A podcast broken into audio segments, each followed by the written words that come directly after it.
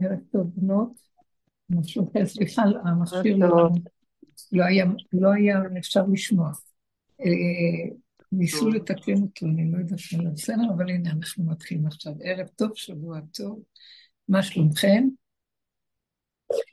אז אה, לא התכוונתי, לא התכוונתי שתענו, אין לי מה להגיד, אז אמרתי מה שלומכם, תחכו בסבלנות עד שיצא משהו שאני אגיד.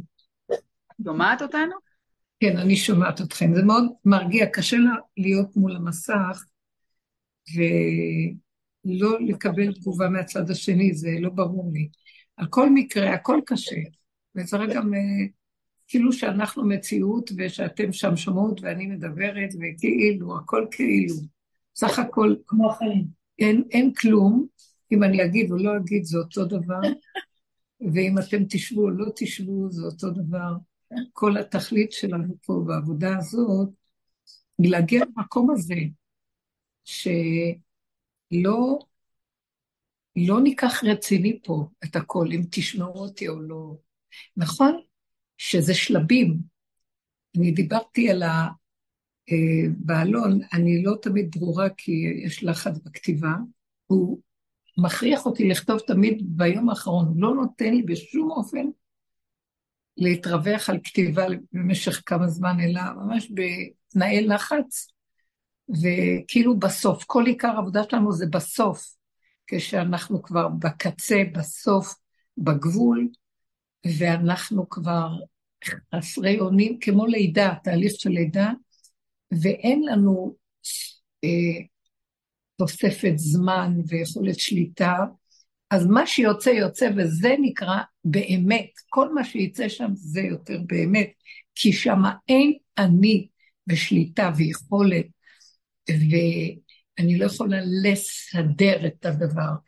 אז זה יותר אמיתי, אין עונות של האדם, זה גילוי האפשרות שהוא חי וקיים, כי עובדה שבסוף יוצא איזה משהו שכותבים, ואז זה הדיבור איתו, הדיבור שלו.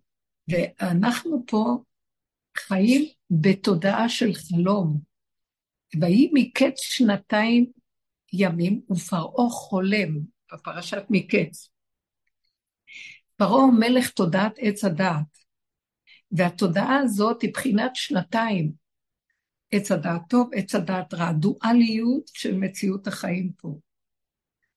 אה, זה מציאות מאז שאכלו מעץ הדת, נפלה שינה על העולם, נפל מסך, כאילו אנחנו מסתכלים מבעד לאיזה כפתור, שזה בעד אה, חלום, איזה דמיון, וככה אנחנו רואים את החיים, כאשר היסוד שבחלום הוא שמנקודה קטנה, שהיא באמת מציאות איכשהו, מתרבה בכל רגע ורגע כמויות גדולות של אפשרויות, ומנקודה קטנה, שהיא תמיד חייבת להתחיל נקודת אמת קטנה, מתרבה האפשרויות ומתגדל, ונהיה אה, שקר. מאיפה נהיה? שקר מהאפשרויות, מריבוי המחשבות שיש לאדם, הוא נברא עם שכל, הוא נבנה, נברא עם רגש, נברא עם כוח המעשה,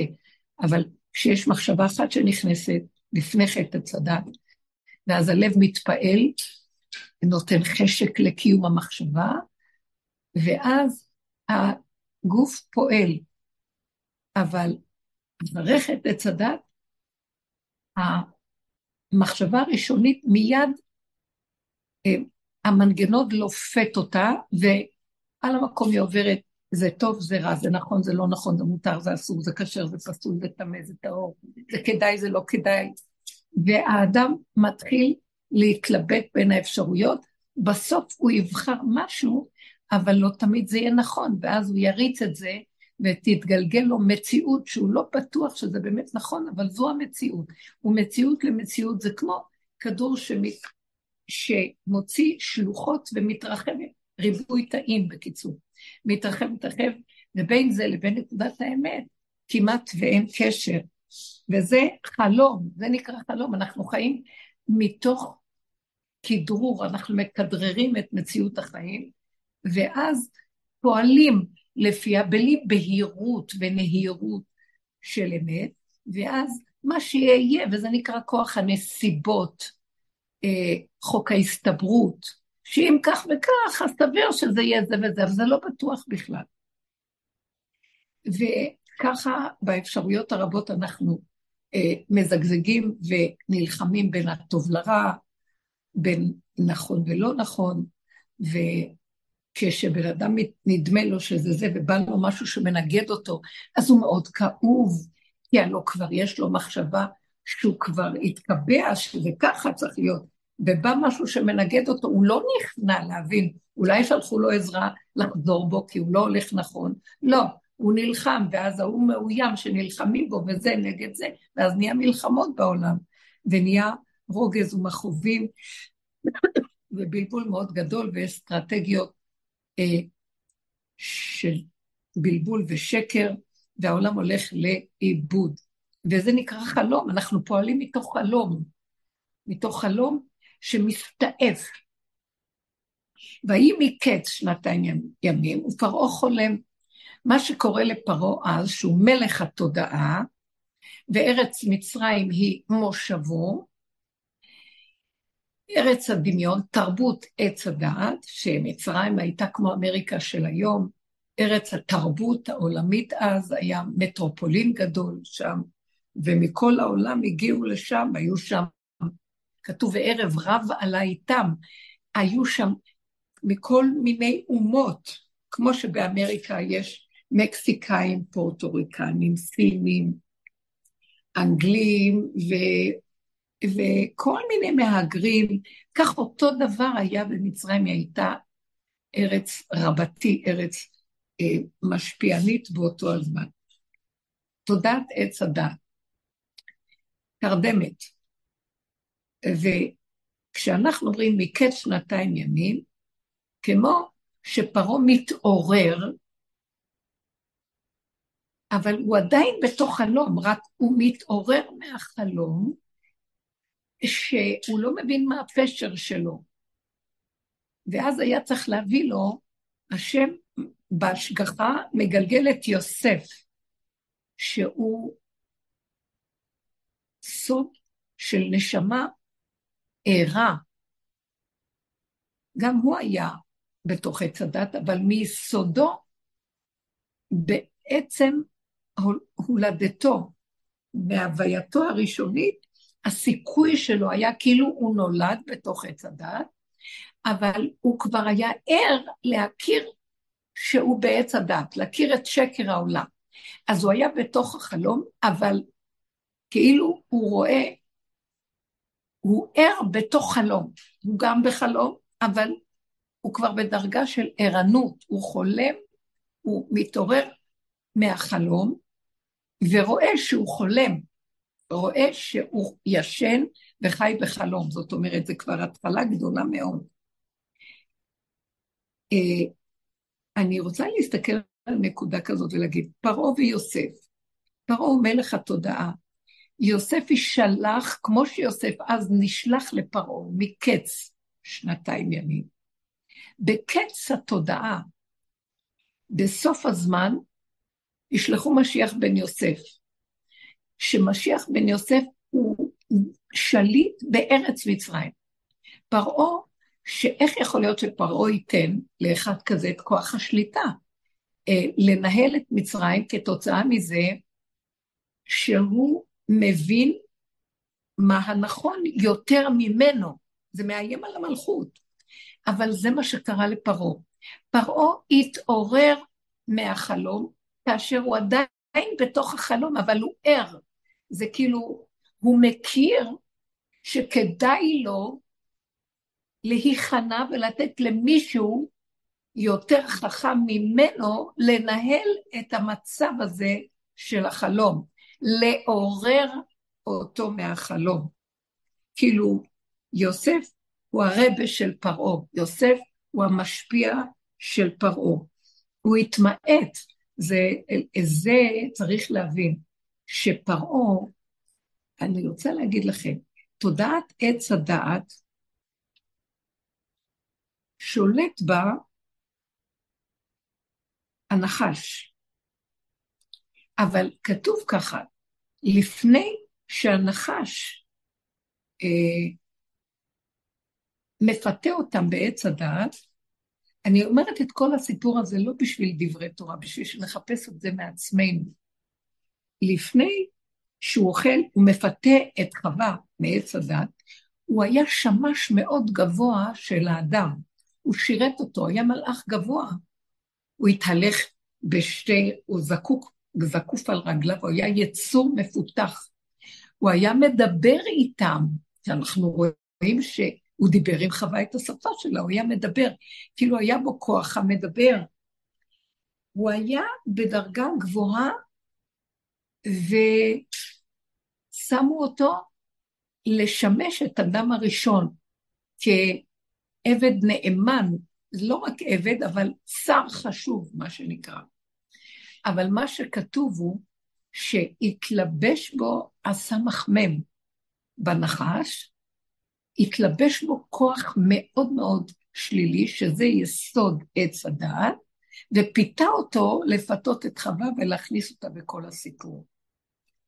הכוח הזה של הסמ"ם הוא מה ששולט כל הדורות בנחש. ופרעה הוא מלך התודעה, ששולט בו כוח חזק של הסמ"ם. הוא נקרא נחש, התנין הגדול הרובץ בתוך יאוריו. תנין זה כמו נחש, אה, כמו שהמטה של אה, משה נזרק על הארץ והוא הפך להיות נחש, הוא תנין, נקרא תנין גם בלשון אחרת. אז קראו לפרעה התנין הגדול הרובץ בתוך יאוריו, שהיאור היה, כאילו, הייתה לו כוח שליטה, היאור זה היה החיות והקיום של מצרים, המי היאור, וכי אין להם גשמים, אז הם היו יוצ... עושים צינורות ומעבירים את המים, והיה לו כוח ליאור, והוא היה כאילו המלך של אותו כוח, סגד לכוח הזה. בתוך פרעה היה הסמ"ם, ואני רוצה להגיד נקודה. הסמ"ם הוא זה ששלט בנחש וירדים, כאילו הסמ"ם שלט בפרעה, והרדים את כל המציאות של העולם, הכניס אותה לחלום ולתרדמה, תרדמת, ובתרדמה חולמים. אנחנו חיים מתוך חלום בתודעת עץ הדת. אבל, תקשיבו, אה,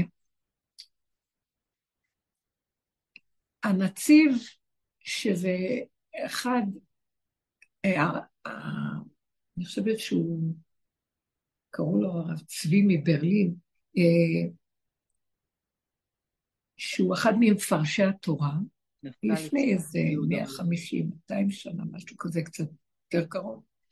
הוא כותב בהקדמה לתורה פירוש מאוד מעניין, והוא אומר ככה, אם אנחנו סבורים שפרעה, כל רשעי אומות העולם שהם, שהם, מוזכרים בתורה או בכתובים, פרעה, אבימלך, נבוכדנצר, אה, כל מיני דמויות משפיעות. אם אנחנו חושבים שהם היו נשמות פשוטות, אז אנחנו טועים. הם היו נשמות גדולות בשורשן, שהתלבש עליהם כוח רע. והעובדה שאנחנו רואים בכתוב שאבימלך, השם מתגלה לאבימלך בחלום. תקשיבו, למה? אנחנו אנשים יהודים כשרים, לא מתגלה אלינו השם בחלום כזה ומדבר אלינו, או כל מיני כאלה מדרגות, גם פרעה. תסתכלו, כשהוא שומע מה, שפר... מה שיוסף מסביר לו, הלוא היו לו חרטומים, והיו לו מלא שרים ויועצים, מלא חכמים פילוסופים, יודעי דת ודין של מה קורה בעולם ובגלקסיות, הם היו חוקרים גדולים מאוד בחוכמות הטבע. והם אומרים לו מה פירוש החלום כפי שיטתם, והוא לא מקבל מהם. ובא יוסף ומדבר, וזה נופל, נופל לו האסימון. הוא קולט שהבן אדם הזה הוא חכם ונבון, ויש אלוקים איתו, והוא נכנע לאלוקות. פרעה נכנע לאלוקים שביוסף.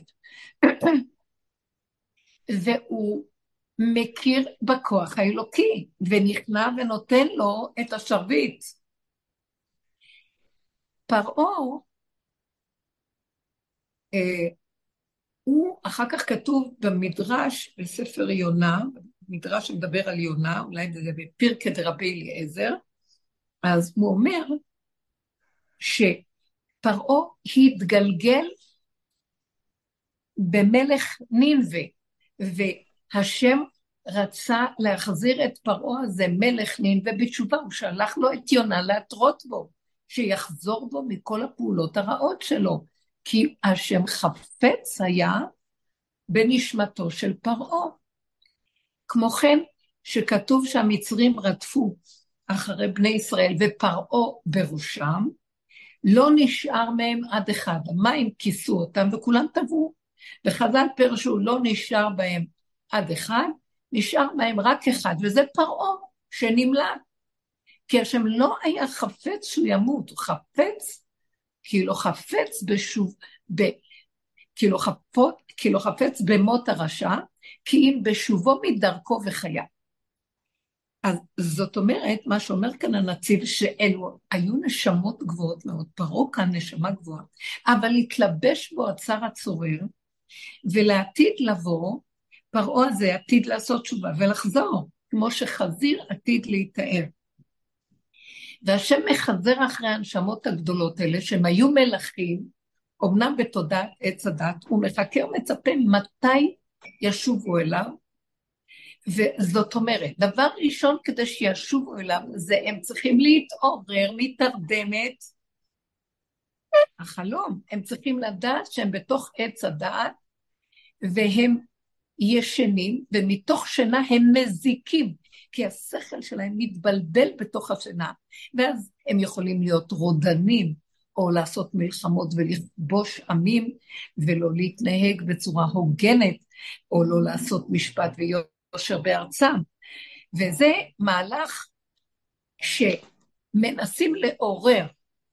זאת אומרת, מה שקרה במצרים, בתחילת הדורות, יוסף מסמל את אותו כוח שהוא נמצא בעץ הדת אמנם, שליט בארץ מצרים, הוא לא לא בארץ מצרים, הוא לא כמו דוד המלך, שהוא כבר בארץ ישראל, והוא מלך בישראל, ברמה שכבר הוא הרועה השביעי, שמביא את האפשרות לגאול אותנו מכל עץ הדת ולצאת ממנה לגמרי. יוסף הוא בחינה של מתעורר, אבל עדיין נמצא בתוך עץ הדת. זאת אומרת, הוא כאילו חולם, הוא כאילו בעץ הדת, אבל הוא התעורר מהחלום, רק בתוך החלום הוא עוד חולם שהתעורר מהחלום. צריך להבין את זה. זה השלב הראשון בעבודת הדרך שלנו. אנחנו עדיין ישנים. כי אם לא, הדרך לא הייתה מועילה לנו. כי אנחנו ישנים, הרבה אנשים שתדברי איתם על הדרך שאנחנו עובדים בה, לא בקלות מוכנים לשמוע. מה הקשקושים האלה, עץ הדעת טוב, עץ הדעת רע? אני קיים, ואני חושב, ואני יודע, ואני מבין, ויש לי תורה, ויש לי מוסר. אנחנו בתוך כל המוסר, ואפילו בדרכי התורה, עדיין זה בחינת יוסף, בבחינת קבלת התורה של הלוחות השניים, שעדיין בתוך המציאות של קבלת התורה, גם אנחנו ישנים כעובדה שקיבלנו את התורה בדורו של משה, שהוא היה הרבי הכי גדול שלהם. וכל פעם הם מכעיסים לפני השם, ונופלים וקמים ונופלים ועוד פעם ועוד פעם. כל המאורעות במדבר, הם קיבלו את התורה והיה אור גדול, אבל הייתה שבירת הלוחות, האור הראשון הלך, והלוחות השניים הם כאילו אנחנו ערים, אבל בתוך תודעת עץ הדת. זאת אומרת, אנחנו ישנים, בחינה של אני ישנה וליבי ער.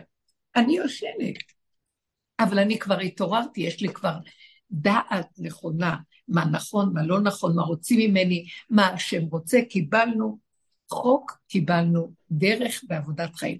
וגם העבודה שלנו היא התעוררות, זאת אומרת, מקץ עץ הדעת, הם יצאו ממצרים, והם קיבלו את התורה.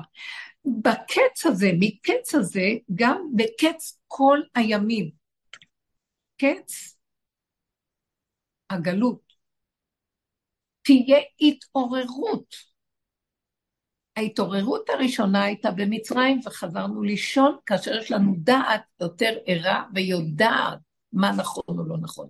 אבל אין לנו באמת התעוררות אמיתית. אנחנו בעצם ישנים עם דעת ערה.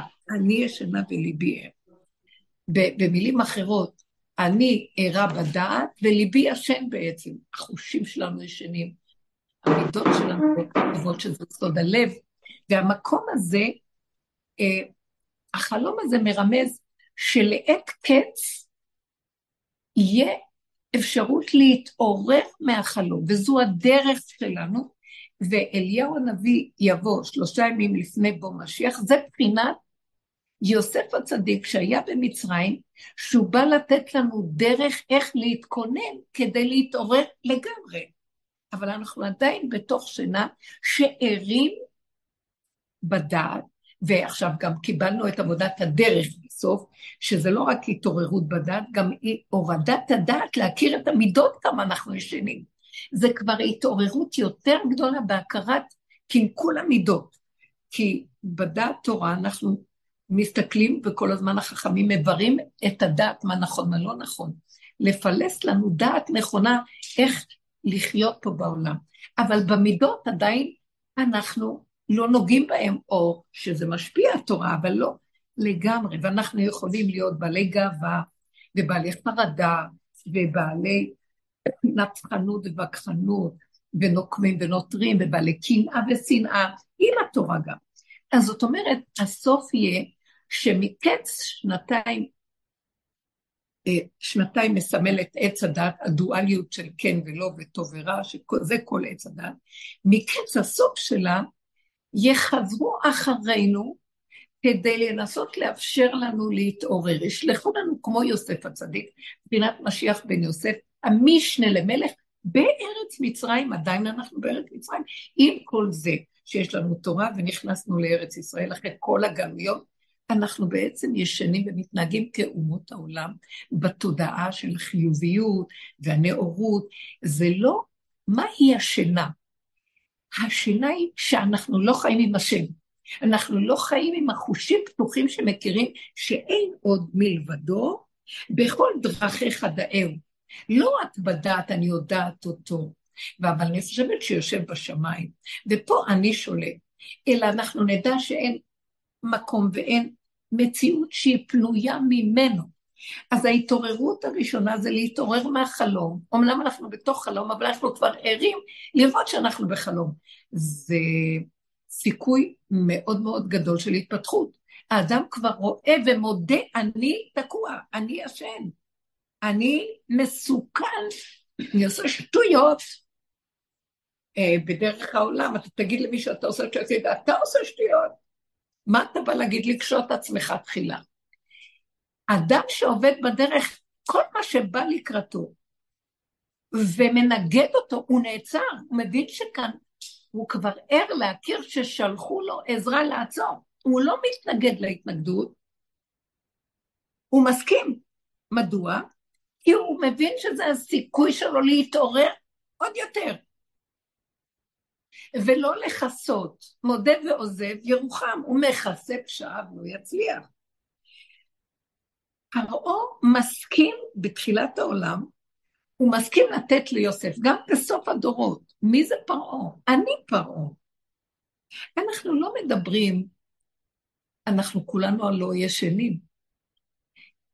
נכון שאני לא יכולה להגיד אני פרעה, פרעה לא הייתה לו תורה, פרעה היה אדם חכם, פרעה היה, היה לו הכרה באלוהים, במושג אלוקים. הוא אמר למשה רבנו, מי זה השם אשר אשמע בקולו? לא ידעתי מי זה השם. הוא התכוון, אני לא מכיר מה זה הוויה, י' כ' ו' כ'. אני מכיר אלוקים, יש הנהגה של הוויה ויש הנהגה של אלוקים. הנהגה של אלוקים זה כוח מקיף גדול של כל מציאות הטבע שמכירים שבטבע יש כוחות ששולטים, שיש שליטה של כוחות אלוקיים בטבע, ונכנעים להם. אבל מה זה הוויה? הוויה זה אור שירד ממלכות אור אינסוף, והוא מאפשר לחלחל ממלכות אור אינסוף עד עולם העשייה, אבל דרך עשר הספירות. כי זה קו פנימי מלמעלה עד למטה, מבריח מן הקצה לקצה, שיש גילוי להשם בתוך הכלים של עשר הספירות. מה זה עשר הספירות? זה עולמות. יש דילול של כל הסערה של כן ולא וטוב ורע וכל הבלבול בעולם, ובקו האמצעי המצומצם, המרוכז, יש תכונות, כמו שתגידו חסד, זה עשר המידות, חוכמה, גבורה, כן, בינה, גבורה, חסד, ערת, וכן הלאה.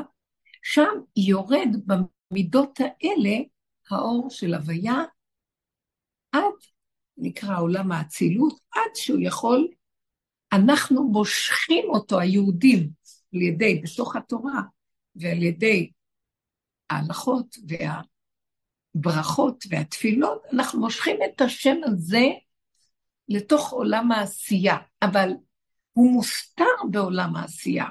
בעולם העשייה, וגם בעולם היצירה והבריאה, יש גילוי של שם אלוקים, זאת אומרת הטבע, ויש יראה מעולם הטבע, ומכירים שיש בו אלוקים, אבל יכולים ללכת לאיבוד על ידי זה שנותנים כוחות לכוח הטבע וסוגדים לכוחות בפני עצמם, אלוקים זה שם ריבוי, מבלי לחבר אותו לכוח כל הכוחות מלכות אור אינסוף, בצורה המדויקת שלה שהיא יורדת בתכונות.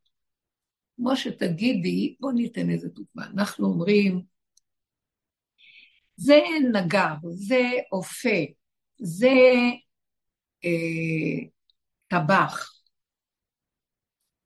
אבל כשאני אומרת, מוישה הוא אופה, יוסף הוא טבח, אז אני מדייקת, זה שם כללי, טבח, נגר, אופה, וכשאני מכוונת על איזה שם מדויק ואומרת, זה, זה המקצוע שלו. אז יש לי משהו מהותי, שם זה מהות, שכבר יש לו שם תואר, מקצוע. אז ככה זה הוויה.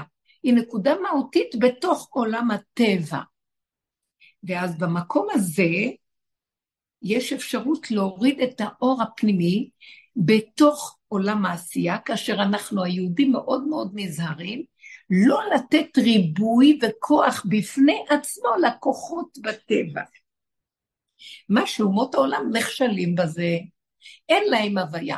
משה רבנו הביא את גילוי ההוויה לעולם. דרך משה רבנו זה התגלה. הכוח שלו היה אפשרי להוריד לנו אור כזה, שמאחר והוא היה ריק לחלוטין ולא היה לו שום בחינה של ישות וצורה וציור. לא היה לו תואר, אלא היה לו ריקנות מוחלטת שהוא יכול היה למשוך את האור הזה. אז בזכותו יש לנו היהודים את הנקודה שנקרא שם הוויה. וכשאנחנו מברכים ברכות, ברוך אתה השם שם הוויה זה וזה, אנחנו מורידים את האור הזה.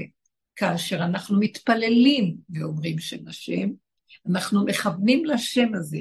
כאשר אנחנו מקיימים מצווה, אנחנו מכוונים לשם הזה שם אביה. זה חסר אצל אומות העולם.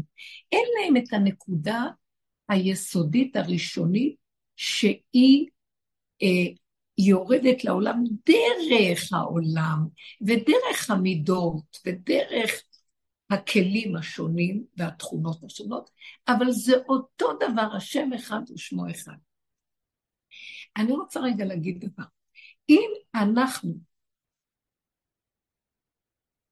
פותחים את הפה ומדברים,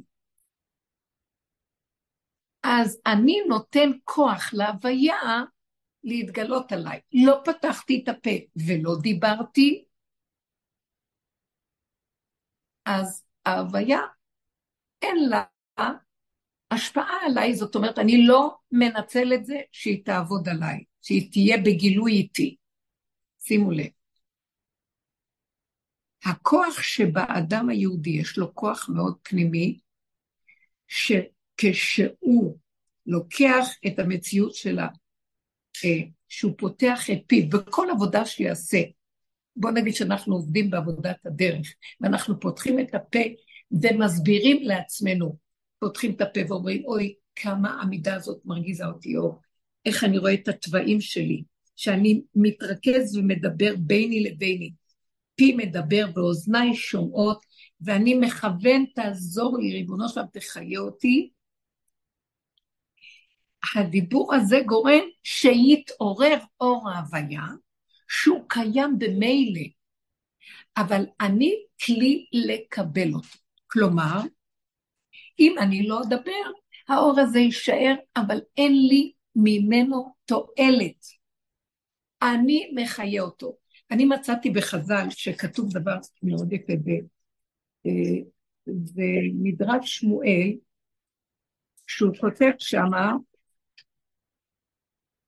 על הפסוק הזה, אליך נשאתי את עיני היושבי בשמיים, כעיני שפחה על יד גברתה, כעיני אה, עבד אל אדוניו או משהו כזה. אז הוא אומר ככה, המדרש אומר, אלמלא אני נושא את עיניי לשמיים ומדבר אליך, לא היית אתה יושב בשמיים, אני עושה אותך אלוקים.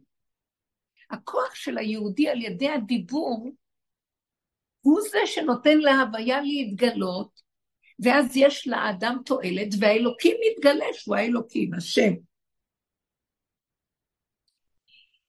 אני רוצה רק להדגיש לכם שכשאנחנו מתעוררים, אנחנו בחלום לא יודעים את זה. אנחנו יודעים שיש כוח של טבע ויש השגחה בטבע, זה גם הגויים יודעים. אבל רב השם על כל גויים, הוא לא נמצא במציאות שהוא, יש להם תועלת ממנו. ואז הם עובדים את כל הכוחות שמצויים בטבע, והם יכולים לסגוד למלאכים ולצורות, ולממונים על הטבע. ולשדים ורוחות וכל מיני. ואז הדיבור שלהם לא פועל לעורר את, המל... את האור העליון לבוא ולהיות פה. הם פשוט נותנים כוח לכוחות, ואז הכוחות מטיבים להם, הם מנתקים, דרך אגב, זה עושה חרון אף בעולם, זה נקרא עבודה זרה. הם מנתקים את הכוחות מלשרת את הבורא, כי הם עושים אותם כאילו אלילים. כאילו יש להם כוח בפני עצמם. אז האדם הגוי נותן כמו להבדיל אלפי הבדלות. כמו שאנחנו נפתח את הפה ונדבר וזה נותן כוח להוויה, להבדיל אלפי הבדלות, על ידי זה שהם סוג, סוגדים להם ומקריבים להם ומבקשים מהם בקשות ועושים כל מיני סימנים וכל מיני דברים שמעוררים את הכוחות האלה, אז כך גם הכוחות כביכול משרתים אותם. אבל זה כוחות אה, חלקיים, והם מוגבלים רק בתכונה שלהם לשרת. לעומת, לעומת היהודים. אז אני רוצה רק להגיד נקודה חשובה פה. כשאנחנו בחלום, אנחנו בסכנה של לתת כוח לטבע. ברור שליהודים שקיבלו, אנחנו קיבלנו תורה, זה משהו אחר. אבל עדיין אנחנו לא מעוררים את הכוח האלוקי באמת, את ההוויה, כדי שתתגלה עלינו, כדי שתקום לעורר אותנו. כי אנחנו בעצם, כשאנחנו אומרים, הוא האשם, למה תישן לנצח? הוא אומר לנו, אתם, אתם ישנים, וכשאתם מכירים שאתם ישנים וצועקים, תעורר אותנו, אתם מאפשרים לי לעורר, להתעורר, לבוא לגאול אתכם. כביכול, אני ישן איתכם גם. הכוח הזה, תשימו לב, זה כוח פנימי פסיכולוגי בתוכנו, שעל ידי ההתעוררות שלנו והדיבור שלנו והחיות שלנו במיקוד של הצמצום הקדוש, רק אליך, רק אליך, הוא יכול להיות אפשרי באמת באמת, כאשר אנחנו מתעוררים מתוך החלום וחיים, אומנם אנחנו עדיין בתוך חלום, אבל אנחנו מכירים שאנחנו בחלום, ומתחילים להתחנן ולבקש, תעורר אותנו עוד יותר מהחלום. הכוח של יוסף הצדיק הוא בחינת משנה למלך בארץ מצרים, הוא בחינת משיח בן יוסף, שהוא טוב בעולם, הוא עושה סדר בין הטוב לרע, הוא מביא מוסר לעולם, שלא יהיה כאן אה, מלחמות ויהרגו אחד את השני.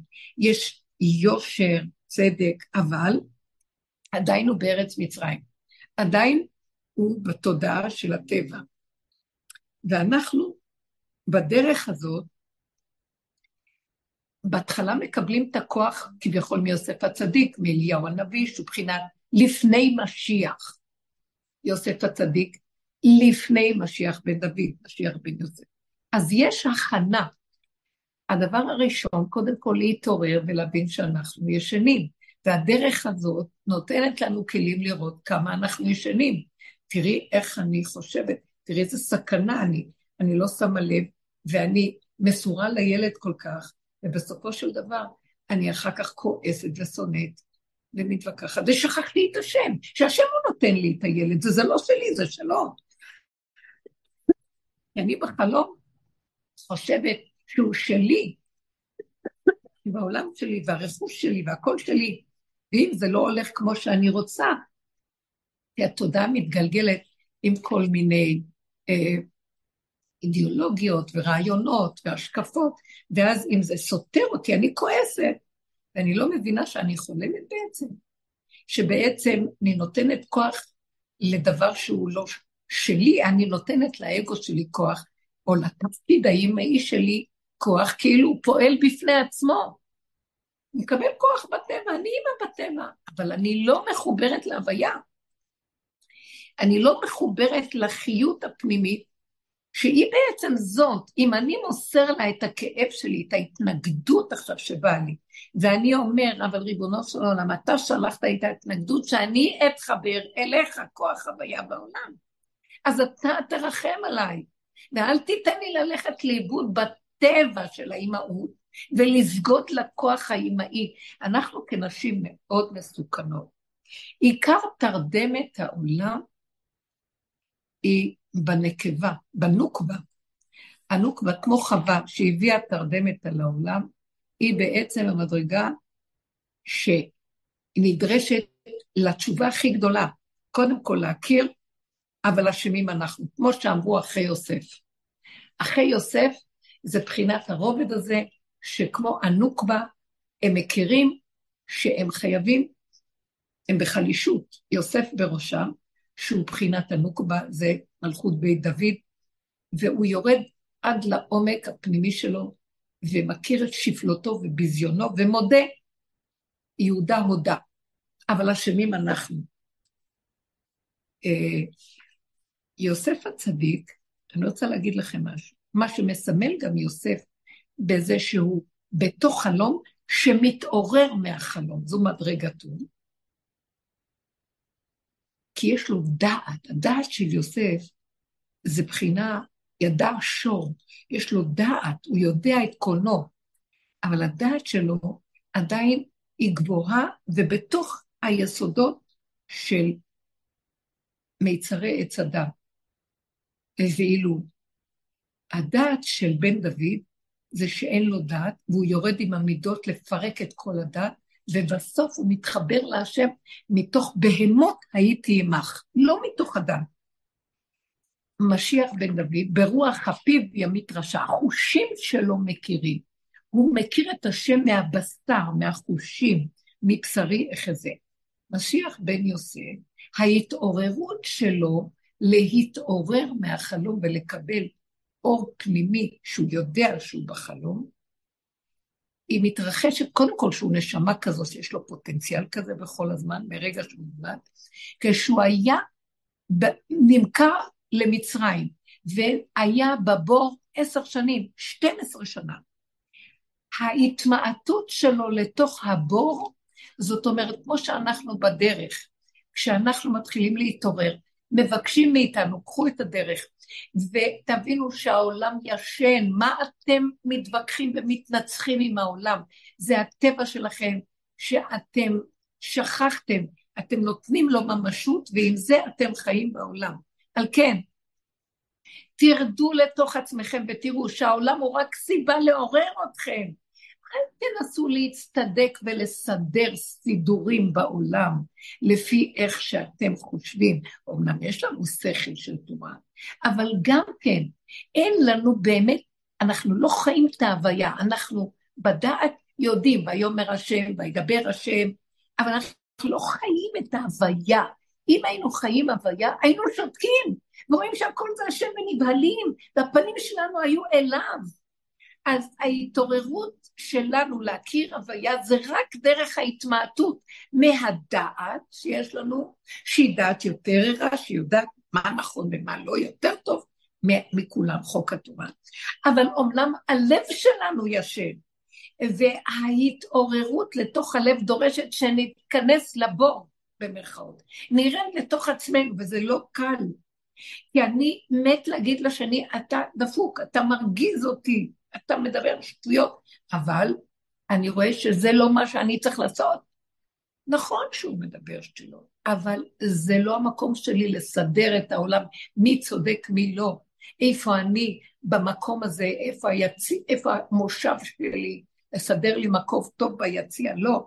אני רוצה להכיר את האמת, באמת נארץ תצמח, אז תחזור אחורה ותראה כמה אתה כואב, כמה אתה שונא, כמה אתה רוצה להתנקם עכשיו, כמה יש לך עצבים על הבן אדם, אתה מגשים אותו, אתה נותן לו ממשות, הבן אדם הזה עכשיו מולך, זהו, אתם עכשיו שניכם מתקדשים, נתתם כוח לטבע וסילקתם הוויה מהעולם.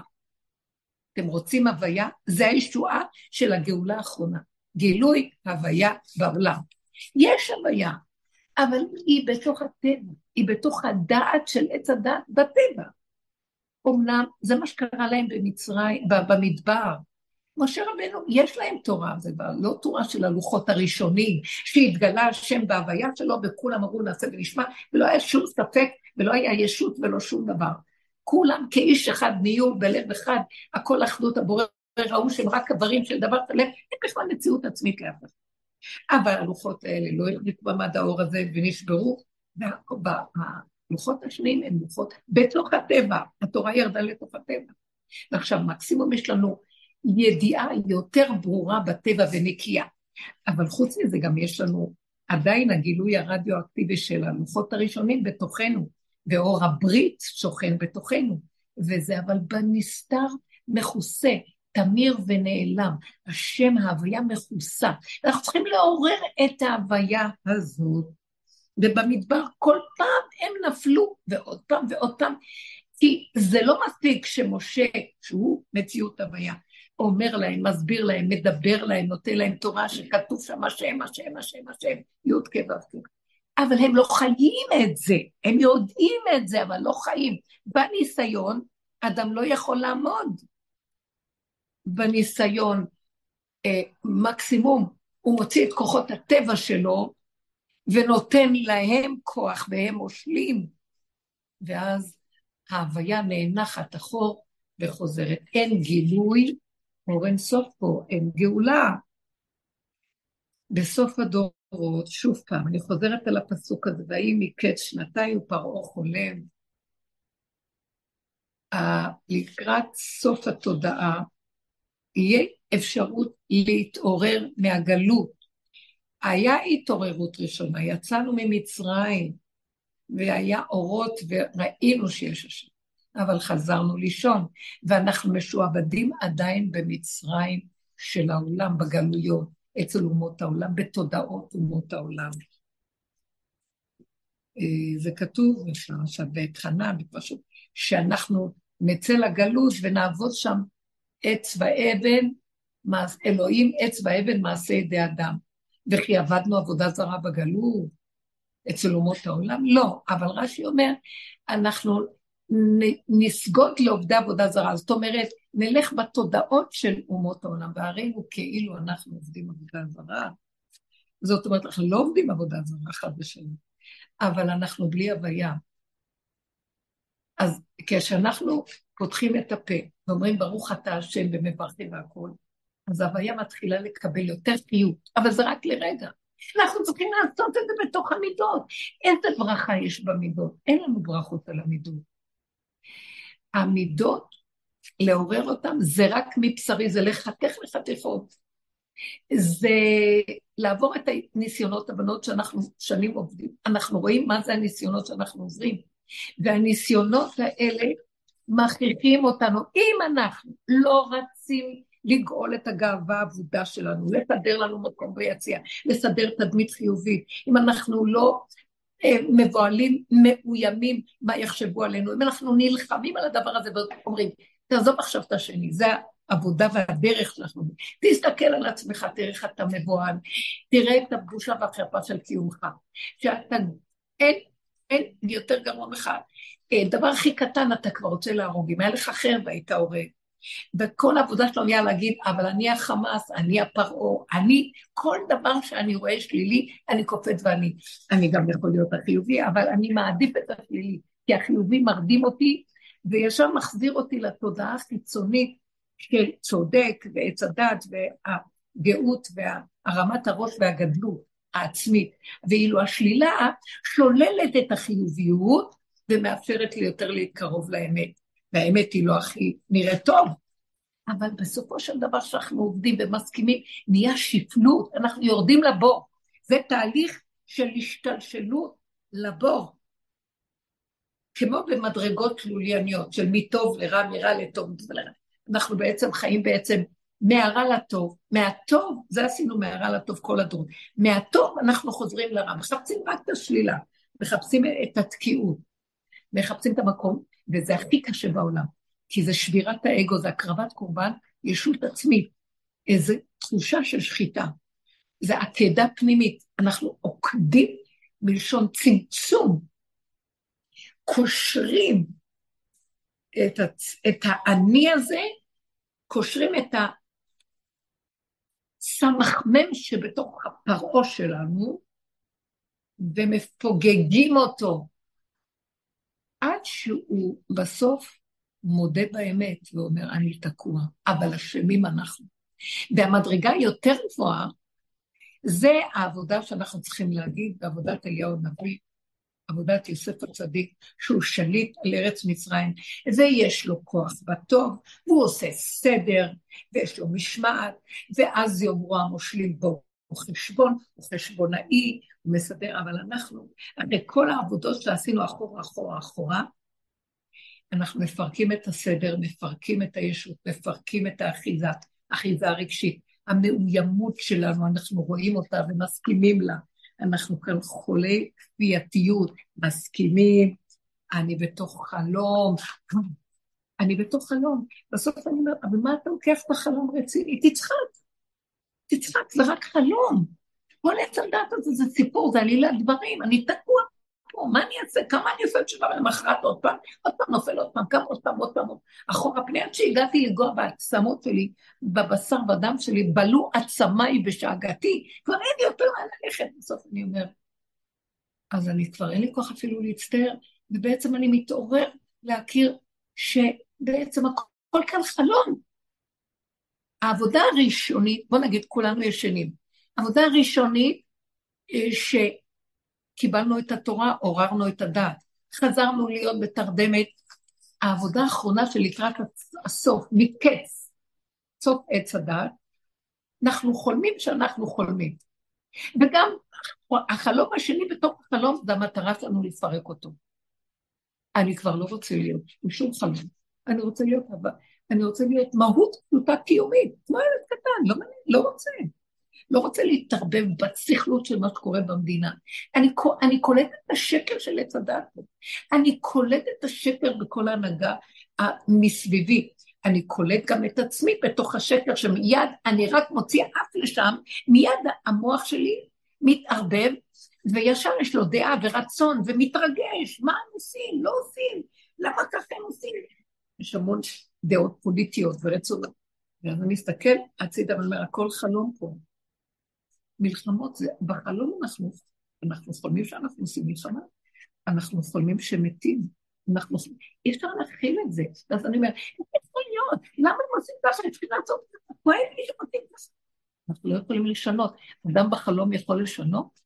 הוא כועס, הוא צועק, אבל אה, אנחנו, המילים לא יוצאות לנו, לא שומעים אותנו בכלל, כמו מתים, שלא שומעים אותם. תחשבי עד מחר, מי מקשיב לך?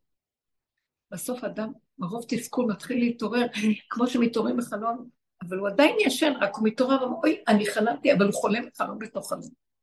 והמטרה שלו להתעורר ולא להתערבב, מעוררת אותו בסוף, להגיע לקצה שלו, ממש מקץ, הקץ של הקץ, ובסוף הוא אומר, אני גם מתעורר אפילו מה, מהחלום בתוך חלום.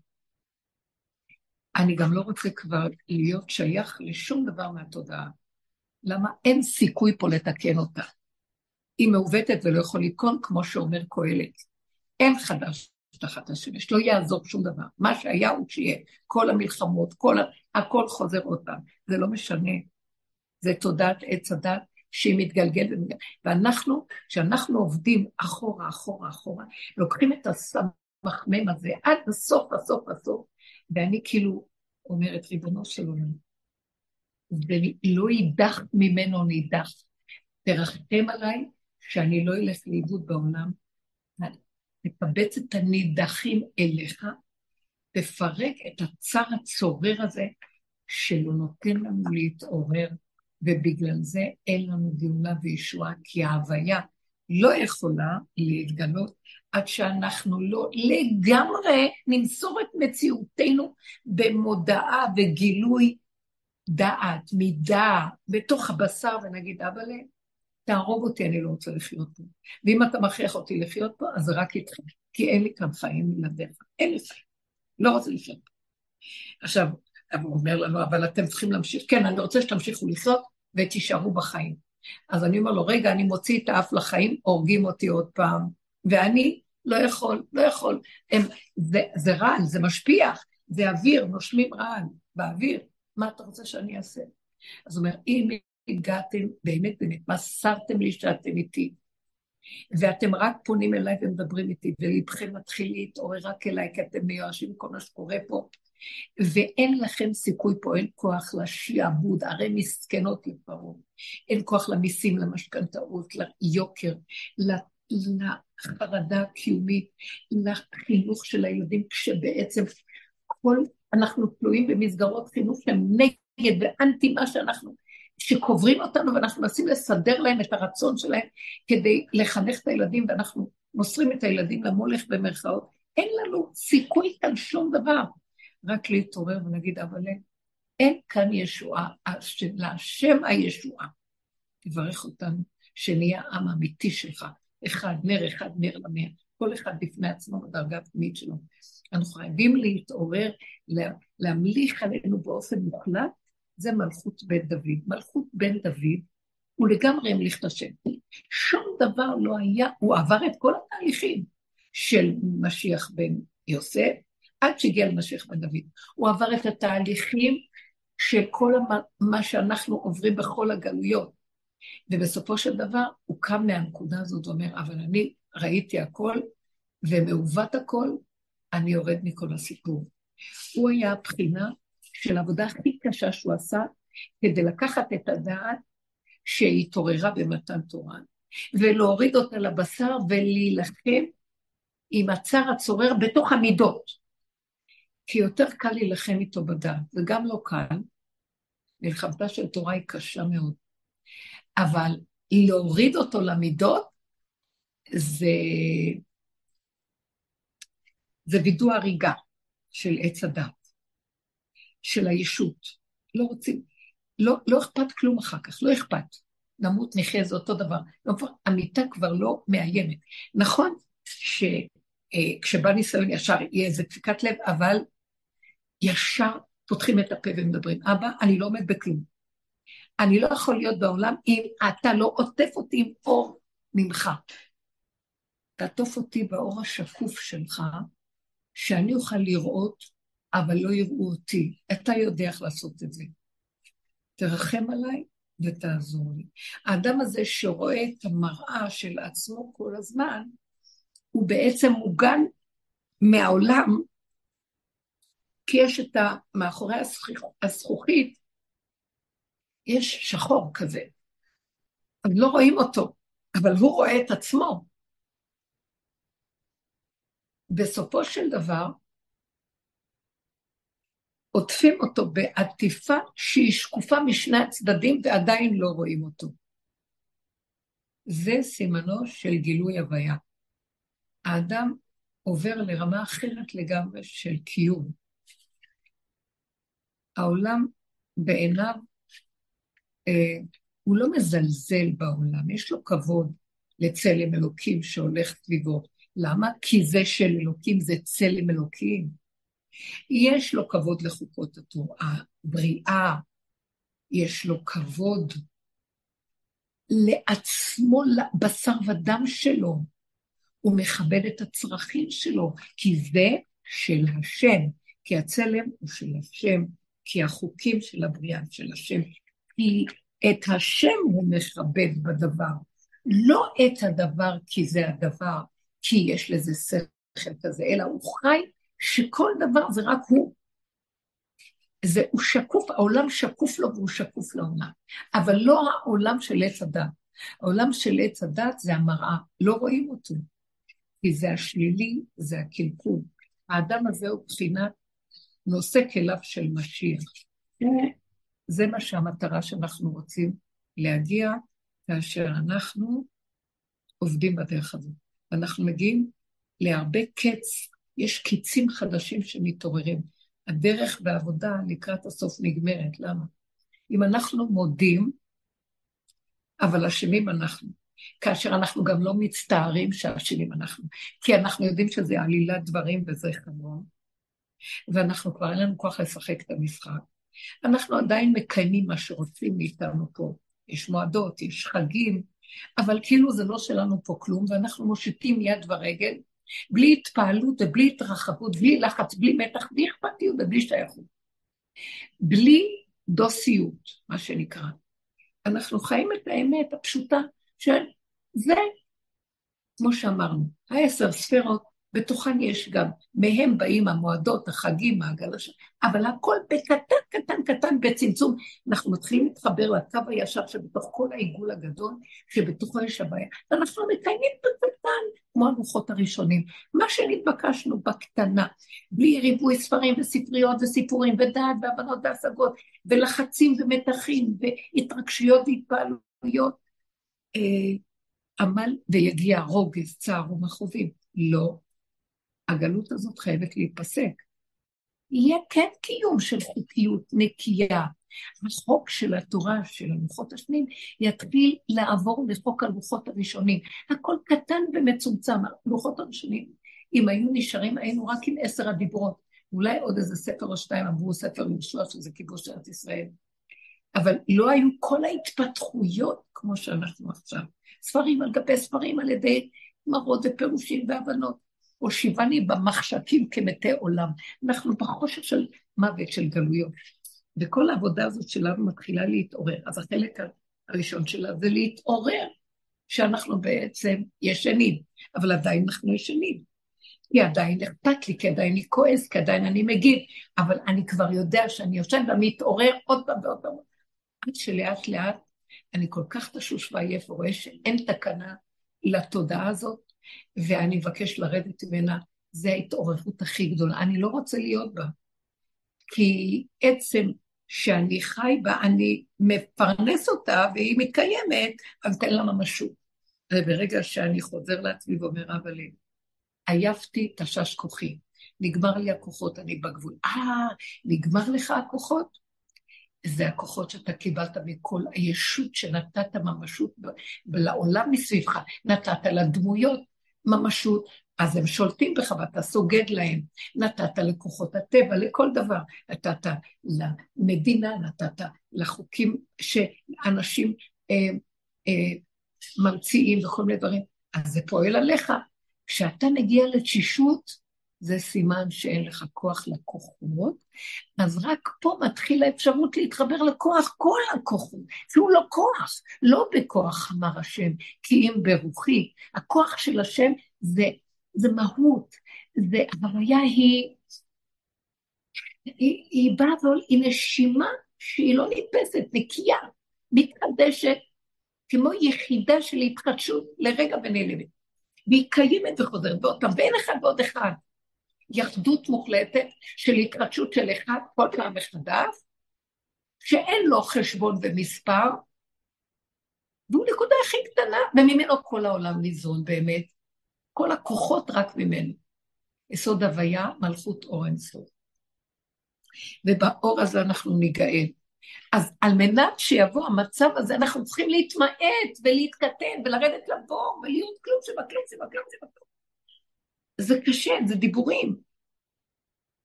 אז מה הכוונה להיות בכלום? אנחנו אוכלים, שותים בשר ודם. הפסיכולוגיה שלנו היא כבר משתנה. לא אכפת לי, ההוא אומר לי שיגיד. אני לפעמים שומעת משהו שאני לא יכולה לסבול, אני שומעת את השקר. ואז אני חוזרת לעצמי ואומרת, את לא יכולה לסבול, סימן שגם את שקרנית. כי השקר שלך רואה את השקר בחוץ, הוא לא יכול לסבול. מה אכפת לך? אה, אני מסתכלת ורואה, נכון, נכון, נכון. אז כנראה אני עזבתי את השני, פתאום לא אכפת לי שימשיך לשקר עד מחר. כי הכל כאן שקר ממילא. מה את חושבת, שאת אמיתית וההוא שקרן? רגע, מוציאים את הראש, להסתכל על השני ולתת לו ממשות, או למה שהוא אמר, זה כבר סכנה, נהיה שקר. תקשיבו, התגובתיות שלנו וההתפעלות למה שקורה פה, זה גוף המפרנס את השקר. ואני זה שמפרנס אותו. אז סמכמם ניזון מזה. אבל לישועתך קיוויתי השם. אנחנו צריכים להצטמצם, ויותר ויותר מה שאני רואה הוא, אני מתחננת אליו, אבל תעסיק אותי, אני שייכת אליך, אני רוצה לעבוד אצלך, אתה יכול לעזור לי, אני לא רוצה להיות משועבדת לשום דבר. גם כשאני משועבדת, אז זה יהיה רק אליך, ולא כמו שאנחנו בגלות, משועבדים לדעת של השם. אני רוצה בבשר, בדם, להרגיש שאני רק שלך. כלומר, משהו מרגיז אותי, יש איזה עוד משהו שאנחנו עוד חוזרים ואומרים, זה השני, אז זה אני. אם זה השני, זה המראה, זה אני. אז אם זה אני, אבל אני לא יכול לעבוד, כמה אני עוד יכול לעבוד על עצמי? אז אבל לי כבר כוח כלום, לא רוצה לעבוד לא בחוץ ולא בפנים, לא כלום. לא רוצה, נגמרת העבודה, נגמר השיעבוד. עבדי השם הם בני חורים. אני חוזר להיות קשור להוויה פשוטה, כמו ילד קטן, שרגע, רגע, אפילו אם אני, רגע, בא לי התנגדות, זה רק הרגע ואחרי זה הולך. אפילו אם יש לי כעס, הכעס לא עולמי, זה נקודה. זה אפילו לא מופנה לשני, שלישי, רביעי. זה בא והולך, בא והולך. אבל אין לי התייחסות לזה. אין לי התפעלות מזה. זה המטרה שלנו. להגיע למצב שאני לא מתפעל. נכון שיש עוד התפעלויות, אבל לא להתפעל מזה שאני מתפעל. להתחיל לסגל את הנקודה של לא להתרחב, זה היציאה מהחלום השני. העולם חולם, ויש כאלה שהתעוררו מהחלום. ועכשיו אנחנו גם, ההתעוררות שלנו מהחלום, עדיין אנחנו בתוך חלום, גם מזה אנחנו יוצאים. מה הכוונה? רק על ידי זה שנגיד, אבל רק אתה, רק אתה, כל הזמן. קמתי, יצאתי, אמרתי, נפלתי, אחרי רגע אני חוזרת ואומרת, אני לא יכולה לעשות עבודה על עצמי יותר, ברור לי שזה אני, גם אני כבר לא קיים, זה לא אני, אני זה דמיון. זה הכל אתה. מה זה זה אתה? מה הכוונה זה אתה? אני מוסר לך גילוי מודעה פנימית, שכל מה שיקרה לי מעכשיו, זה תמיד אתה. אז בבקשה תיקח עליי אחריות, כי אם לא אני אחריב לך את העולם, אני אשבר, אתה מפסיד אותי, אני אמות לך בעולם, אני לא יכול, תעטוף אותי. ב... אז הוא אומר כך, אתה מוכן להיות איתי? ברמה הזאת שבאמת באמת, כבר אתם עייפים, תשושים, אין לכם כבר כוח לכלום, אז מה שנשאר לכם עוד, הכיסתא דחיותא, מה שנקרא, זה שייך להיות פונה אליי עם הדיבור אליי, תמיד תדברו אליי, תגידו לי, כן דבר איש אל רעהו, כאילו אני מולכם ואתם, אל תזלזלו בזה, כי כשאני מדבר ככה אני מעורר את ההוויה להתקיים. אני נושאת עיניי לשמיים, ואני קורא לך, אז אתה נקרא השם, אני קראתי לך, אז עכשיו אתה השם. כי עד שלא קראתי לך, אתה בהסתרה, לא בגילוי. אתה קיים תמיד, אתה גם לא צריך שאני אקרא לך בעניין של עצמך. אתה לא תלוי בי אם אתה תהיה קיים או לא. אבל כדי להתגלות עליי ושיהיה תועלת לי ממך ולעולם שלי ממך, אני צריך לקרוא בשמך. ואז אתה מתגלה עליי. אז יש לי תועלת ממך. אתה, שוב פעם, השם לא חסר דבר אם ניתן לו או לא ניתן לו. כי אם, אם פעלת, מה פעלת לו? ואם חכמת, חכמת לך, לעצמך אתה עושה את הכול. אבל אם את, אני קוראת לו, אני רוצה להגשים אותו במציאותי. תדברו אליו, תקשיבו, תבקשו, תפעילו את הפה, אין כוחנו אלא בפה, תדברו ותגידו ותתקשו. עכשיו, הדיבור שלנו קודם היה בהתבוננות ופירוק של האני שלי מול השני, מול העולם, המידות הרעות, והיינו עושים תשובה ומבקשים. עכשיו הפירוק שלי צריך להגיד, אבא, אני לא יכול, רק אתה. רק אתה, אני לא יכול, אני לא יכול, לא יכול, לא יכול, אני נופל, אני אקום, אין לי כוח ליפול, אין לי כוח לקום, לא אכפת לי כלום, אתה יודע משהו? אני גם, אם נפלתי, זה לא צריך להפעיל אותי שנפלתי, ואין לי פרשנות אם זה מצער או לא מצער, זה לא משנה לי כלום, לא אכפת לי, אין כמעט, אין נפילה, אין כלום, אין עוד מלבדו, עכשיו אני רוצה לחיות ככה, מה זה? אין לי סיכוי אחר. כי אנחנו במקום שפתחו לנו. כל פעם מחדש שבא זעזוע לעולם, יש אפשרות להתעורר מהחלום, ודרגות של דרגות. וההתעוררות האחרונה, אני מרגישה ששלחו לנו די. אני ראיתי את זה, ואמרתי, חושבים, אה כן, אז מה קורה במדינה, אז בוא נעשה את זה, בוא נעשה, בוא נעשה, בוא נתנדב. אמרתי, חבר'ה, יש כאלה שצריכים את זה, להתעורר מהחלום הראשון. אז הם צריכים, אנחנו צריכים ללכת בכיוון אחר. לא להתפעל משום דבר, ולהתעורר לכך שהשם בוחן אותנו, אם ניתן אמון לעולם, ונלך בהתערבבות עוד פעם, והסיכוי הוא עוד פעם להיבלע לתוך המנגנון של עץ הדעת, ולהיות חיוביים ועושים ופועלים כדי להשחית את המצפון וכן הלאה. או אנחנו אומרים, לא יכולים, לא רוצים, אני לא אתנגד אם מישהו עד אליי בסיבה, בוא דופק, מבקש עזרה, ניתן. זה השם שלח אותו עד אליי. אבל אני לא אתנדב עם המוח שלי לרוץ. יש הבדל גדול. הישות כבר חייבת להיות מצומצמת בקטנה, נושמת, חיה, מתחדשת, רגע, רגע, בלי חשבונות, רגע ככה, רגע אחר. ואין זכר לרגע הקודם ברגע הזה. זה מתחיל להביא אותנו למקום, בייחוד שהפה שלנו פתוח, והנפש צועקת ומדברת, השם יתגלה עלינו, הוויה הקדוש, השם אלוקי ישראל אמיתי, השם שלנו ישראל, מדינת ישראל, אנחנו לא חיים באמת את השם הנכבד והקדוש הזה, שהוא שם הוויה. ישראל זר אנפין, שם הוויה. אין פה, אנחנו לא חיים ככה. אנחנו חיים בתודעת האומות, אנחנו חיים בכוחנות וישות, אנחנו מבולבלים, אנחנו חושבים שאנחנו בטוב הנאור והצדקותי, אבל זה הכל בתוך זה גנוב ושלילה והטוב והרע עכשיו מתערבבים, עד שלא ניכר דל ושואה, אף אחד לא יודע מי הוא, מה הוא, מה נכון, מה לא נכון, מה טוב, מה לא טוב באמת, לא, הכל, הכל מבולבל. איזה ניצחון ואיזה ש... אנחנו בבלבול מאוד גדול, ומה יציל אותנו זה אלה שילכו אחורה ויכריחו גילוי של ראש של משיח, שזה גילוי הוויה. משיח יושב בפתחה של רומי. הוא יושב במקום כמו יוסף בבור, יוסף, יותר מהבור של יוסף. הוא יושב במקום שהוא מבין שהעולם הזה הוא רק ירים ראש והוא יחזור לעולם, העולם שונא אותו, הוא לא יכול לסבול את הריח של משיח. העולם עץ הדת, הוא שונא משיח, הוא מתנגד למשיח. הוא נגד השם ומשיחו. ואז הוא יודע שהוא לא יכול להתהלך בעולם. אם לא יהיו לידו עוד כמה כאלה שנותנים לו כוח, הנה מיתתו של שלמה שישים גיבורים סביב לה מגיבורי ישראל, כולם אחוזי חרב מלמדי מלחמה. איש חרבו על יכול ופחד בלב. משיח הוא בחינת הנקודה הפנימית. אם לא יהיו מסביבו אנשים שהם כבר עברו את המלחמות ונתנו למכה של העין, של, ליסוד העני שלהם את המכה, הם נותנים לו כוח על אה, תנו עוז לאלוקים על ישראל גאוותו. אז זה הכוח יקים אותו, ואנחנו נר אחד נר למאה, עשרה כאלה, רב אושר היה אומר, יביאו את הישועה.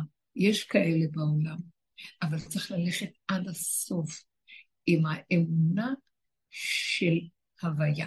זה לא של הטבע והעולם. זאת אומרת, הטבע זה הוויה, השם הוא האלוקים, אבל עוד לא גילינו את ההוויה בטבע.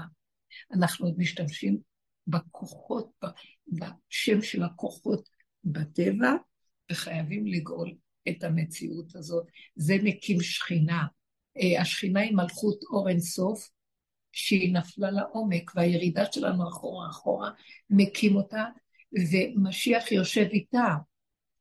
והתקומה של הוויה היא ייחוד קודשא בריחו שכינתה זה מהמקום הזה, שאנחנו חייבים לקום, לצאת מהמקום הזה.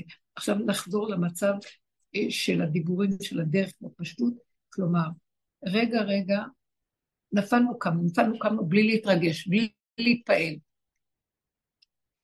אה, בסוף אנחנו, כמו שאמרתי באחד השיעורים, אחת החברות יקרות כל כך, שהיא אמרה שהיא עברה תחושה של אה, מיטה פנימית, הבן שלה נמצא בעזה, סיפרתי את זה, וכמו כל האימהות, זו דאגה שאי אפשר להכיל אותה. אבל היא בדרך, וכשאנחנו מדברות ומתחזקות ביחד, אז היא מבינה שהמחשבה שלה על הילד זה סכנה עבורו, כי היא מתרגשת, מתפעלת, היא אחוזה בו, ואז הוא חשוף לסכנה. ואז היא מכריחה מטעם הדרך את עצמה לפרק את המוח ולנעול אותו ולסגור אותו, שהיא לא תדע איפה הוא ומה הוא ולמה הוא. ומדי פעם נותנים להם אפשרות להתקשר, זה הקשר. אבל היא אומרת, אם אני אפתח אני אשתגע, אני לא יכולה לעמוד בזה. היא אומרת את זה לא משום שהיא נותנת עבודה, היא גם הגיעה מתוך העבודה לגבול של הגבול של הגבול, שאין לה שום, אין לה כוח, פשוט לא, היא תתפרק. היא בעצם הכי חלשה בעולם, האדם שחי שם הוא הכי חלש, למה? הוא מוותר על כל הכוחות של כאילו הוא חזק, ומודה באמת הכי פשוטה, אני לא מסוגל ולא, אין לי הכלה על כלום. אז היא עברה איזה, היא קיבלה איזה ידיעה על משהו שקרה שם, והיא חשבה שהבן שלה נמצא שם. עכשיו, היא לא חשבה ש... זה לא שקרה לו משהו, לא. זאת אומרת שלבן שלה יש איזה תפקיד שיכול להיות שאחרים בגללו אה, הלכו. ואז היא נבהלה פחד נוראי אחר בה, של אשמה מצפונית, אם אתה לא יודעת מאיפה בא לי הדבר הזה, שלא יכולתי להכיל אותה לרגע, ואפילו היה לי רגע ששנאתי אותו. איך יכול להיות? אה, בסוף זה לא הסתבר שזה לא היה לו קשר לסיפור הזה, אבל היא אמרה, נשאר לי מצב שהבנתי, דיברנו על זה, ביחד דיברנו ואמרנו, זה המצב משחרר אותך מהאחיזה בו לגמרי, כי כבר הגיע לזה שהיא שונאת אותו, כי כזה דבר הוא יכול לעשות, כביכול להטעות את הכוחות בהוראה של משהו לא נכון. זה לא, אני לא יודעת איך להגיד את זה, אני גם לא רוצה לדבר, כי זה לא שייך לי לדבר, אבל אני.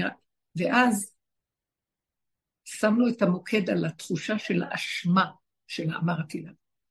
אז יש לך הרבה אשמה, האשמה הזאת שיש לך, המצפונית, מאיפה היא באה? כי גם זה, מאיפה המצפון הזה? הלוא אנחנו צריכים להביא את האשמים אנחנו למדרגה של בסוף, גם אשמה אני לא מוכנה לקחת על עצמי, כי זה עלילי הדברים שהתלבשה עליי ואין לי כוח לאשמה בכלל. ואז התחלנו לחפש איזה נקודה שאמרנו, חווה היא אם כל חי, וזה שהיא אכלה מן העט, היא בעצם הרגה כל באי עולם. אז כשאת כל כך מצפונית, למה הוא כביכול בעטיו נהרגו אחרים, חס ושלום, חס וחלילה, שהדעת, הדמיון של המצפון התעורר אצלה, ואז, אבל את הרגת, את הרגת את כל העולם, חבל. את הרגת בעץ הדת, אנחנו הרגנו את כל העולם. אז מה את מתייפייפת פתאום באיזה מצפון של האשמה? איך יכלו לעשות את זה? אלא אנחנו בקור רוח הרגנו את כל העולם באכילת עץ הדת. הבאנו מיתה לעולם, כי ביום אוכלך ממנו מות תמות. אז התעוררנו להכיר בדיבור ביחד, שבעצם זה גם שקר. התחושת אשמה המצפונית, ואז אמרתי, אז עכשיו זה הזמן לשחוט את האשמה על האשמה לגמרי. גם אנחנו כבר לא אשמים. כי זה גם גונב אותנו שאנחנו אשמים, ואנחנו כאילו מודים שאנחנו אשמים, ויש לנו צער, אז אנחנו עוד קיימים, כי יש לנו צער שאנחנו עוד אשמים, כי יכולנו לא להיות אשמים.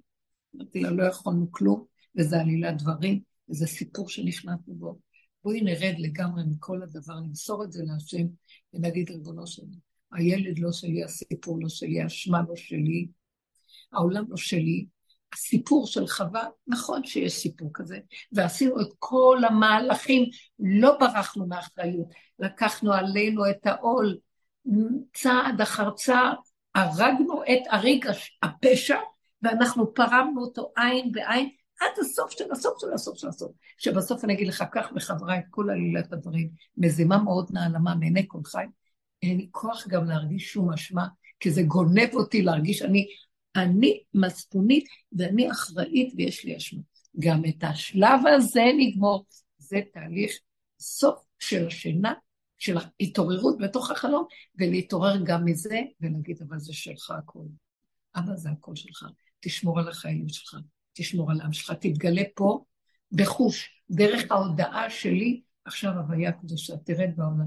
ותביא ישועה לסיפור הזה, כי אנחנו כאן תקועים, תקועים, תקועים, ואין לנו ישועה. זה אורו של משיח מתעורר מזה, והוא משרה עלינו, אלה שמגיעים למקום הזה, שכבר לא רוצים להיות שייכים, לא רוצים להיות שייכים רגשית לדברים. אה, מקיימים מה שצריך, אנחנו עדיין לא פטורים מלקיים, כמו שרב אושר אומר, אני חילוני שומר תורה ומצוות. הוא מקיים את התורה, אבל הוא חילל את האני הרגשי, השייכות של הגניבה הזאת, שחושב שהוא מבין ויודע, ואז הוא משתתף בכזה דעה ובכזה התפעלות ודרגת עבודה, ולהגיע לעוד מדרגה וכל תינוק, כגמול עליהם, או בהמות, הייתי עמך, תתגלה בעולמך. גילוי הוויה צריך את הבהמות הייתי עמך. הוויה זה יסודו של אור הברית, אור הגנוז, זה יסוד האור הגנוז למעלה יותר, והאור הגנוז רק בו תהיה הגאולה. רק באור הזה. זה אהיה אשר אהיה. אהיה האחרון, אנחנו חייבים לתת את זה בחזרה, והנתינה של האור הזה, זאת אומרת, הגילוי של האור הזה, זה רק על ידי שאנחנו יותר פחות, אנחנו יותר נמוך מהבור של יוסף. אנחנו לא רוצים להיות פה מציאות וקיימות. רגשית, התפעלותית, דעתנית, כלום, כלום, כלום. רב אושר אומר עד שנגיע לפחות מכלב מת. אנחנו לא במדרגות האלה, אבל לפחות שנכיר. זאת אומרת, האור הגנוז מחפש את הכלים הקטנים, פחים קטנים, את המקום שאין שם אפשרות בכלל שיתקיים משהו, כי הוא כל כך קטן, ולא מכיל כלום. לא דעת, לא רגש, לא הבנת. עכשיו, זה דיבורים כמובן, זה מאוד קשה להגיע לזה, אבל לפחות, אפילו אם רגע אחד, רב אושר אומר, אפילו אם רגע אחד הצלחנו, זה כבר רגל בנצח. דין פרוטה כדין מאה אצל השם, זה עושה הדים גדולים, ויש גילוי גדול של השם, והוא מתעורר. הוא מתעורר, מה זה גילוי גדול? הקטן זה הרבה. זה הננו עובד אצל השם. תפתחי את הדלת כי יש כאן איזה אה, המקום הזה יעורר לנו אור יקרות כדאי, והאור של משיח עוטף את הסוג של האנשים האלה ומוליך אותם בתוך העולם. מוליך אותם בתוך העולם, לתת להם עזרה ותמיכה, שלא יתבלבלו עוד פעם מהישות של העולם. האם יש לכם שאלות לשאול?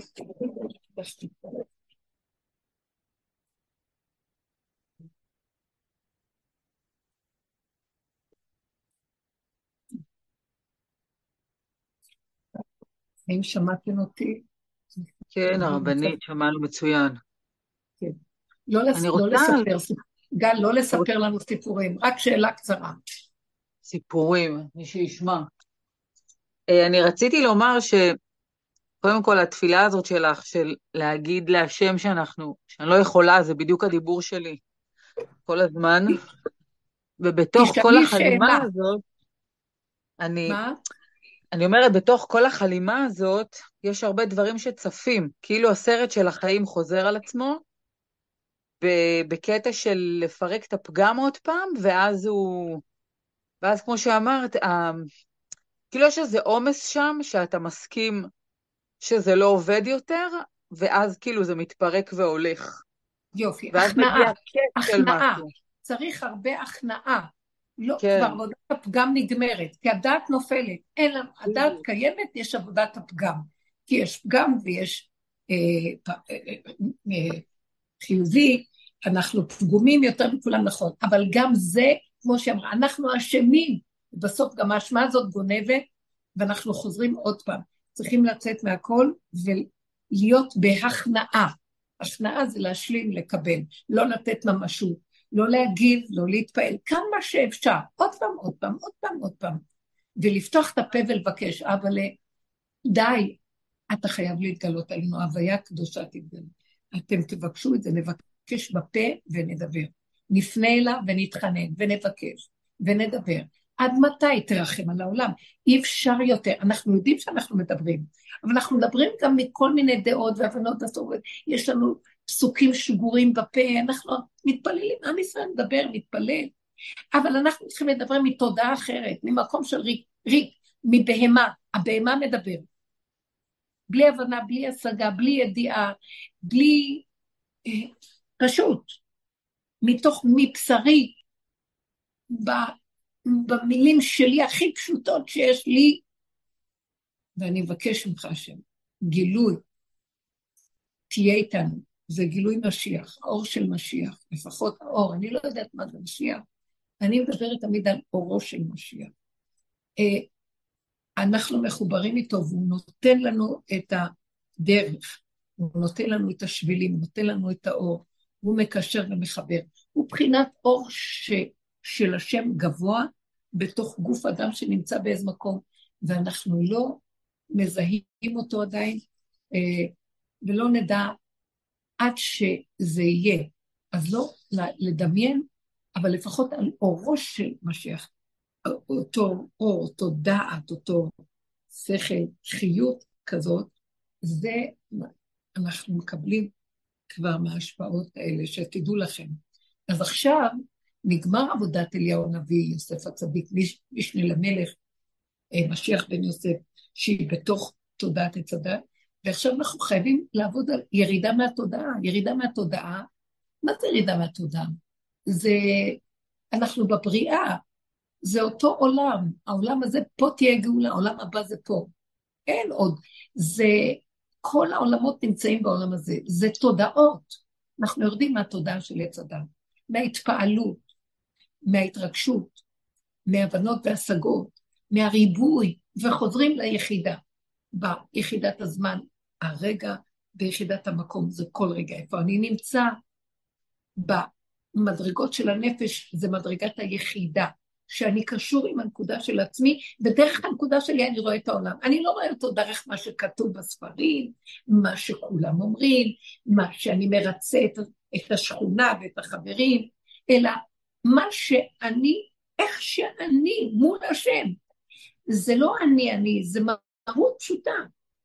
אם ככה עשיתי, אז ככה אני חושבת. אם, אם רגע אמרתי את המילה הזאת, זה מה שהיה צריך להיות. אם עשיתי, לא יכולה להיות שום דבר אחר, רק זה, זה נקרא יחידה. איך שזה ככה.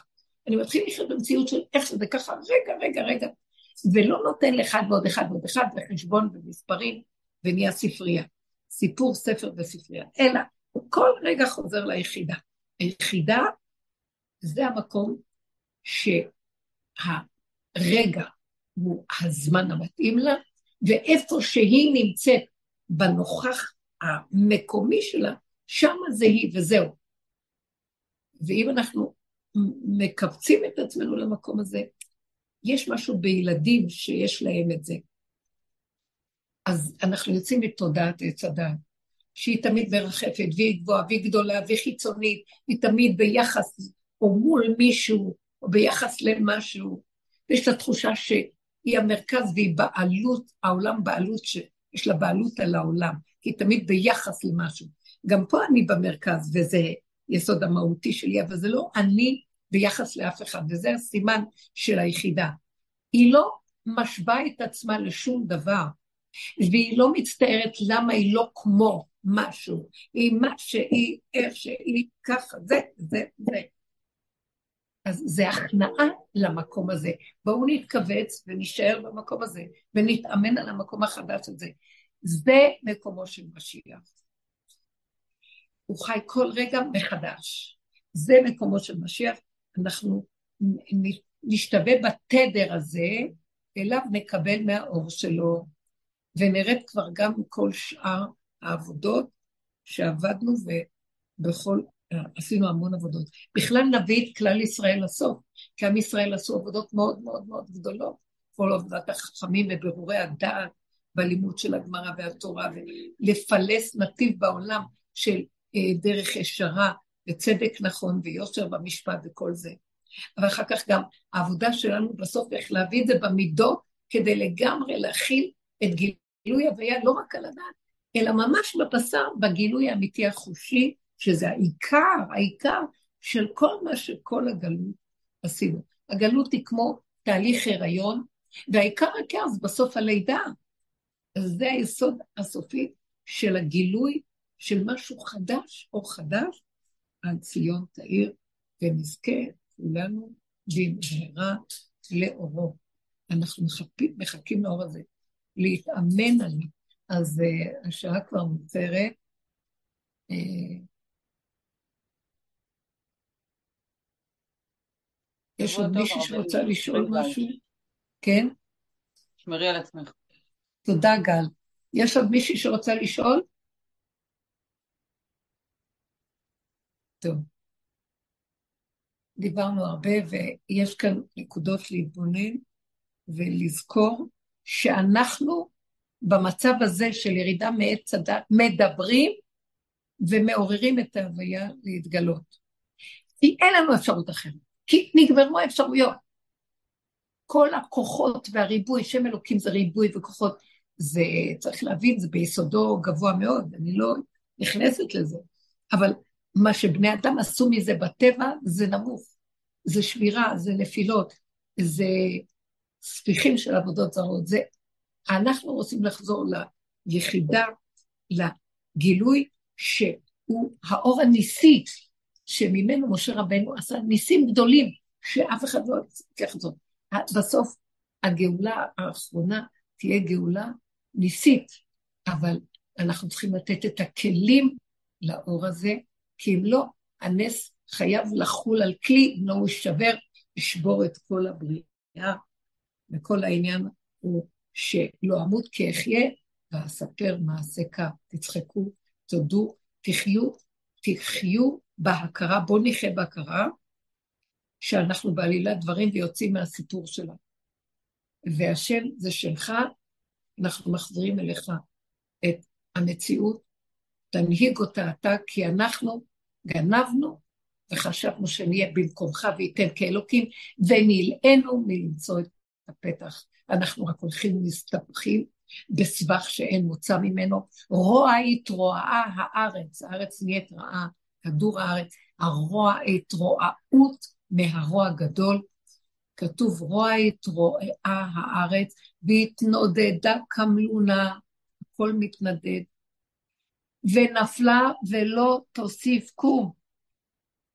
או אז יקום השם ויפקוד את מלכי האדמה, באדמה מלכי השמיים ושמיים, השם יבוא לגאול. אבל הוא צריך שאנחנו ניתן לו כלי, שיהיה לו, אה, רגליו יעמדו על איזה אדום, אנחנו אדום רגליו, שיהיה לו יציבות האור הזה, כדי שאפשר יהיה להציל את הנותר ולהתחיל התחלה של עולם חדש, מאותו שארית שנשארה, והנותר בציון, קדוש יאמר.